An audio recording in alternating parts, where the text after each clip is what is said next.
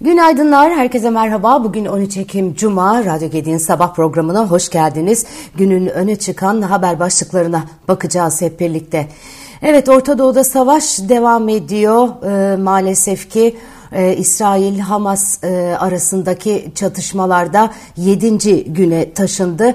E, bugünün e, Orta Doğu'daki savaşla ilgili en önemli notu herhalde e, İsrail'in e, Suriye'deki havalimanlarını e, vurması e, diyebilirim. İsrail-Filistin arasındaki çatışmalar 7. gününe girdi. Filistin Sağlık Bakanlığı tarafından yapılan açıklamada İsrail'in saldırılarında hayatını kaybeden Filistinlilerin sayısının 1417'ye, yaralananların sayısının ise 6268'e yükseldiği bildirildi. Hayatını kaybedenlerden 447'sinin çocuk, 248'inin kadın olduğu aktarıldı. İsrail'de şu ana kadar 1300 kişi yaşamını yitirirken 3300 kişi yaralandı. Öte yandan Filistinli gruplarla çatışmalar devam ederken İsrail Suriye'de başkent Şam ve Halep kentine hava saldırısı düzenledi. Suriye basını saldırıda havalan, havaalanlarının hedef alındığını bildirdi. Suriye'nin resmi haber ajansı Sana'nın askeri kaynağı dayandırdığı habere göre İsrail ordusu yerel saatle 13.50'de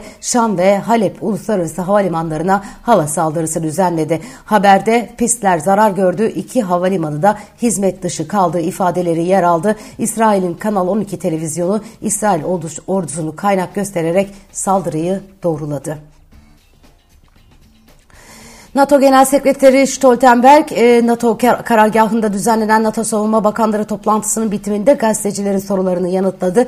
Hamas'ın İsrail'e saldırıları sonrasında İsrail'in karşılığının orantılı olması gerektiğini söyleyen Stoltenberg, Stoltenberg'e e, NATO Genel Sekreterine İsrail'in Gazze'ye su, gıda ve yakıtı kestiği hatırlatılarak bunun orantılı bir karşılık olup olmadığı değilse NATO'nun ne yapabileceği soruldu. E, NATO Genel Sekreteri NATO'nun meseleye doğrudan müdahil olmadığını ancak bugün konuyu görüştüklerini belirtti. İsrail Savunma Bakanı e, NATO Savunma Bakanlarına son durumla ilgili briefing verdiklerini aktaran Stoltenberg şok edici videolar gördüklerini bu nedenle Hamas'ın İsrail'e saldırılarını ve sivillere yönelik saldırıları kınadıklarını ifade etti. Çatışma geliştikçe sivillerin korunması önem taşımaktadır. Bu durum müttefiklerce de açıkça ifade edilmiştir. Savaşın kuralları vardır, orantılılık talebi vardır. Birçok e, müttefik tarafından da bu bir e, dile getirildi diye konuşmuş.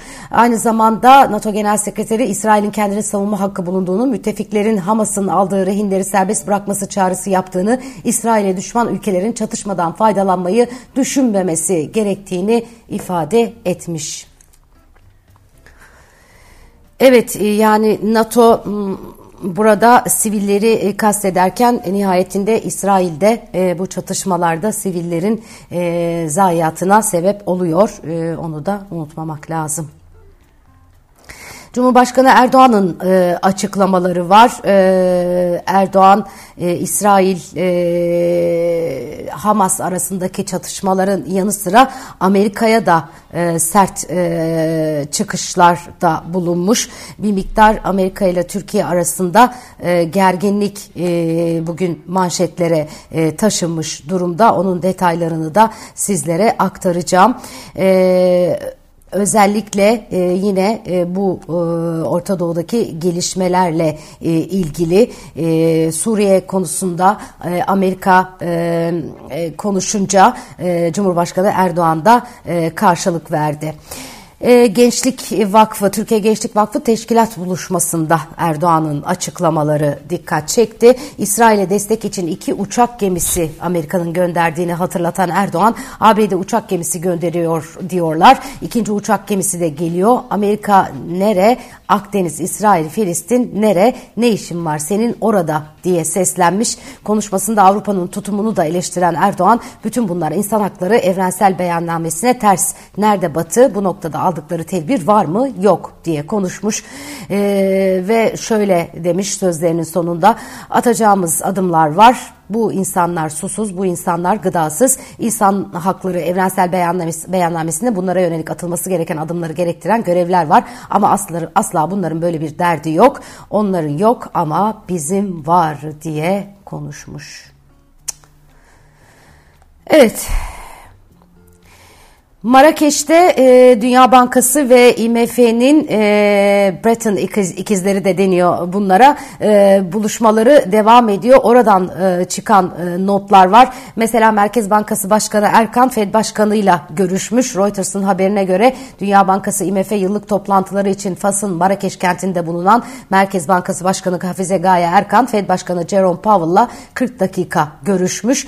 Önce e, daha önce 2009 yılında dönemin e, Merkez Bankası Başkanı Durmuş Yılmaz, Fed Başkanı Ben Bernanke ile görüşmüştü. Böylelikle 14 yıl sonra ilk kez e, Türkiye Cumhuriyet Merkez Bankası Başkanı ile Fed Başkanı bir görüşme gerçekleştirmiş oldu. Haberde Barclays ve Deutsche Bank ile yatırımcı toplantıları yapıldığı da belirtilmiş. Geçen hafta Londra'da temaslarda bulunan Hazine ve Maliye Bakanı Mehmet Şimşek, Dünya Bankası IMF yıllık e, toplantısına e, da e, katılıyor. E, Erkan'ın FAS programında ise BlackRock, JP Morgan, Deutsche Bank ve Merkez Bankası başkanlarını da içeren görüşmeler yer alıyor. E, Mehmet Şimşek 19 Ekim'de e, aynı zamanda Paris'te yatırımcılarla görüşecekmiş. Ardından Abu Dhabi, Doha ve Riyad'a gidecekmiş. Ee, Mehmet Şimşek Birleşik Arap Emirlikleri ile 50 milyar dolarlık yatırım programının ilk somut adımlarının da bu ziyarette atılacağını söylemiş. Ee, yine Fas'ın Marrakeş kentinde düzenlenen toplantıda konuşan Mehmet Şimşek enflasyon beklentilerini kontrol altına almak için seçimlerin ardından atılan adımları anlatmış. Pozitif reel faiz enflasyon beklentilerini dizginlemek için olmazsa olmazımız buna yaklaşmış durumdayız demiş. Ee, Şimşek pozitif reel faiz eşiğine ulaşmak için yapılması gerekenlerin henüz bitmediğini de söylemiş. Türk lirasının temel göstergelerinin sağlam, sağlam olduğunu ve para biriminin çekici göründüğünü de belirtmiş. Yerel seçimlerin genel seçimlerle ayırt edilmesi gerektiğini, Türkiye'nin politik istikrar, istikrara sahip 5 yıl e, geçireceğini kaydediyor ve geçmiş ekonomi politikalarını da tersine çevirmenin zaman alacağını da sözlerine eklemiş. Evet bir önceki hafta parite etkisiyle 3 milyar dolara varan gerileme kaydeden Merkez Bankası rezervleri 6 Ekim haftasında ılımlı bir artış kaydetti. Merkez Bankası verilerine göre brüt rezervler 680 milyon dolar artışla 122.9 milyar dolara çıktı. Kur korumalı mevduatlardaki düşüş serisi de devam ediyor. BDDK verilerine göre 6 Ekim haftasında kur korumalı mevduatlar 74,6 milyar lira ile rekor düşüş kaydetti. İlgili haftada kur korumalı mevduatların büyüklüğü 3,23 trilyon liraya geriledi. Dolar cinsinden bakıldığında ise 117,3 milyar dolarlık büyüklük kaydedildi. Evet, e, bu arada yine... E, Fas'taki e, toplantılarda e, kriz kahini olarak e, tanınan e, Nuriel Rubini'nin e, açıklamaları da e, dikkat çekiyor. Rubini Orta Doğu'daki e, savaşa ilişkin açıklamalar yapmış. Özetle daha henüz piyas, piyasalar e, buradaki gelişmeleri tam anlamıyla fiyatlamadı demiş. 2008 küresel ekonomik krizini tahmin eden ünlü ekonomist Nuriel Rubini ve bu vesileyle de kriz kahini e, sıfatını alan e, Rubini piyasaların Orta Doğu riskini tam olarak fiyatlamadığını ve çatışmanın yayılma riskinin göz ardı edildiğini söylemiş. New York Üniversitesi Profesörü Nuriel Rubini, İsrail-Hamas geriliminin piyasalarda tam anlamıyla fiyatlanmadığını belirterek çatışmanın yayılma riskine dair uyarıyor.